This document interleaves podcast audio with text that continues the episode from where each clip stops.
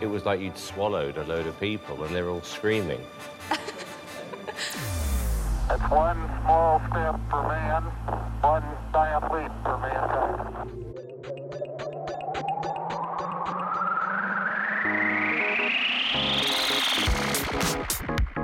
Du hører på Plutopop! Et musikkprogram på studentradioen i Bergen. Before.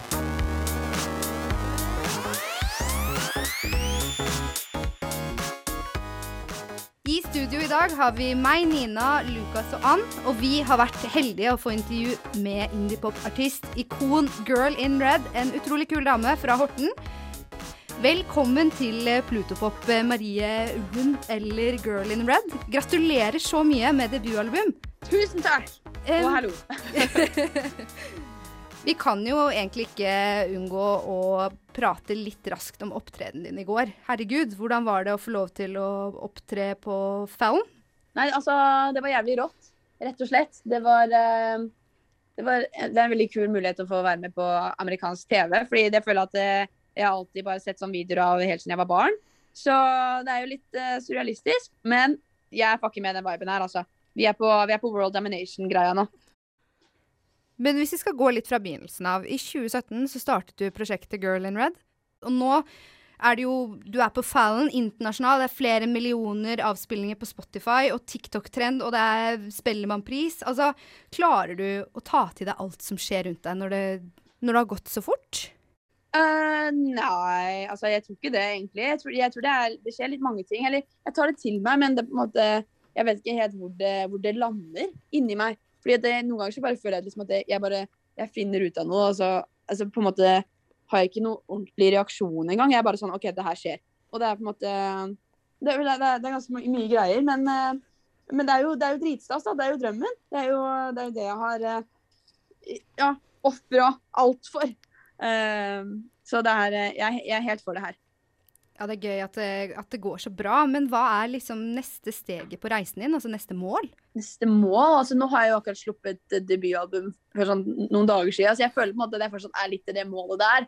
Jeg må jo liksom ha et lite pust i bakken, tenker jeg. Så neste mål er jo bare å jobbe med det albumet her og skape visuelle greier for uh, albumet og på en måte bare fortsette å liksom snakke om albumet, syns jeg. Og så kanskje Og så har, jeg har jeg veldig lyst til å gå tur i Jotunheimen, da. Som for, på et personlig nivå. Ja, apropos uh, album. Uh, hvordan har det, den prosessen vært, da? Med debutalbum? Uh, Nei, den, har, den var, var veldig lang. Det begynte vel egentlig sånn eh, 1. mai 2019 så begynte jeg å få liksom de første ideene til albumet, og så jobba jeg med ideer i 2019, og så jobba jeg med noen ideer i starten av 2020, og så begynte jeg da å på en måte å ha liksom en sånn mentalitet at OK, nå skal jeg samle alle de tingene her, og jeg skal lage et album med alle disse tingene her. Og så har det på en måte bare blitt det det, det ble, og det tok jo jæskla lang tid. Men det tar lang, lang tid å lage album, ass. Det, det, er, det, er mye, det er mye vanskeligere enn det jeg trodde det var. Fy faen. Men hvis du da skal eh, beskrive albumet ditt med la oss si fire ord, hva ville det Ja. vært? Utrolig spennende og bra. Der har vi fire ord. Men eh, kan vi ikke snakke litt om sånn Du har jo jobbet med veldig mange nye internasjonale produsere, men du har også jobbet med norske produsere. Føler du at det er en forskjell sånn kreativt? Ja, eller jeg har egentlig bare jobba med liksom to andre nå, da. Så det er jo egentlig bare Finjes og Mathias. Og det er jo egentlig ikke så veldig mye forskjell. Jeg føler jo egentlig at på en måte alle alle Jeg er jo eller, som produsent sjæl også, så er det bare om man hører ting i låter og hvor ting kan høres fett ut, liksom. Så jeg føler liksom ikke det er så veldig mye forskjellig, bortsett fra at selvfølgelig eh, Jeg føler med det er bare sånn emosjonelt nivå. Sånn at eh, jeg syns at amerikanere er litt forskjellige på sånn hvordan de er ja, med det emosjonelle. Eksempel med Mathias, som jeg jobber med i Bergen. Han er jo Ja, vi er jo best buds, liksom. Så det er sånt er litt forskjellig. Bare sånn, det vennskapelige. Men sånn når det kommer til rent eh, ja, på produksjonen, så føler jeg liksom alle er liksom på samme bølgelengde. For det handler bare om å høre ting. Hei, Maria. Hallo? Mye av din musikk har inspirasjon fra eget kjærlighetsliv. Eh, Det å ha en skeiv identitet og det å være åpen rundt dette. Eh, Og du har jo blitt en viktig artist for flere i LHBTQ-miljøet.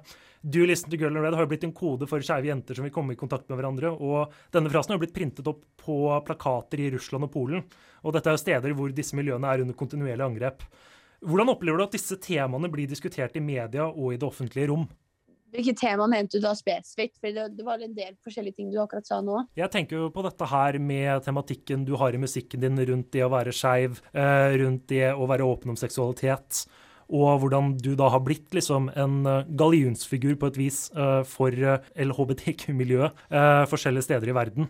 Men hvordan opplever du at disse temaene rundt seksual identitet og disse personenes rettigheter diskuteres i media og det offentlige rom? Altså, akkurat det har jeg ikke tenkt så veldig mye om. Jeg tenker veldig lite på hvordan det blir diskutert, men jeg føler på en måte jeg, jeg føler kanskje, Det er kanskje fordi jeg ikke ser så veldig mye av det, så kanskje det er en mangel på det. Jeg vet ikke. Men det blir jo i hvert fall sett veldig all, Alle folk som er veldig åpne og sånn, som regel blir jo omtalt i positiv forstand. I hvert fall i de stedene der man syns at det er positivt. Men det er jo fortsatt ganske mange steder i verden det ikke er lov å være skeiv. Ja, for jeg tenker også litt på hvordan du selv ønsker å ta del i denne samtalen. Ønsker du å ta del i denne samtalen kun som artist, eller som en eller annen form for en mer generell talsperson? Eh, Jeg ser ikke på meg selv som en talsperson eller aktivist i det hele tatt. Det er sikkert noen som kanskje skulle ønske at jeg var mer det. Det er jeg ikke sikker på. Men uh, jeg føler på en måte det er noe veldig sterkt i det å bare å være en skeiv person, og det, kunne det å eksistere som en skeiv person, og ha det som en, ja, noe, et faktum i livet sitt.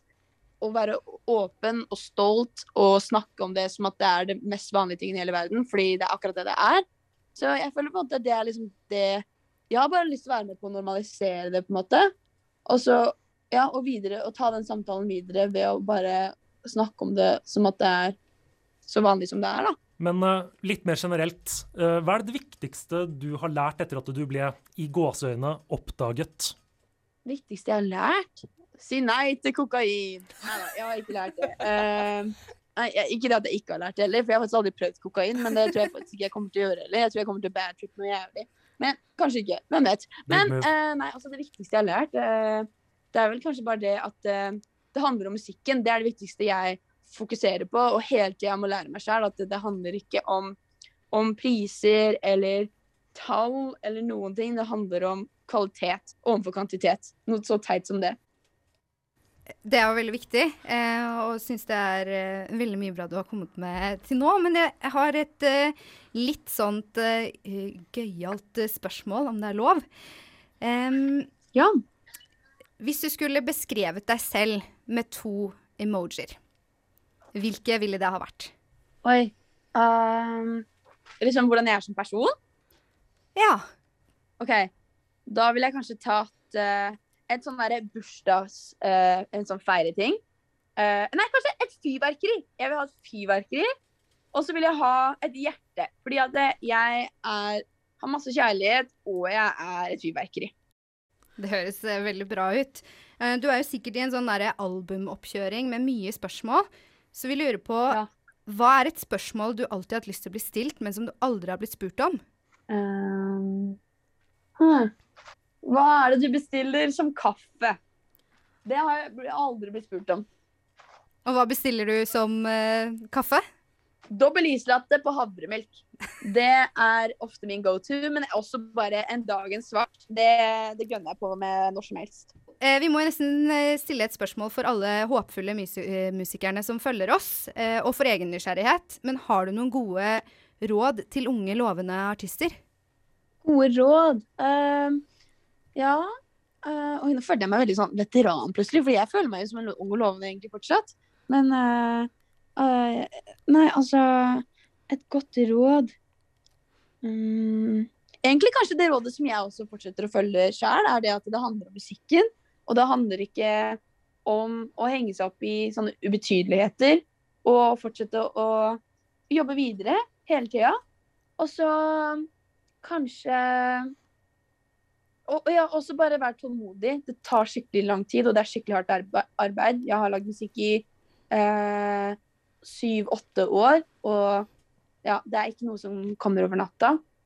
Ikke hit jeg er nå heller. Så Vær tålmodig og jobb med musikken. Og si nei til kokain. Og si nei til kokain. Herregud, så langt det valget der har tatt meg. Tusen hjertelig takk for eh, intervjuet og at du ville komme hit til Plutopop. Em, masse lykke til, og gratulerer så mye med album, eh, Marie. Tusen takk. Ha en fin dag!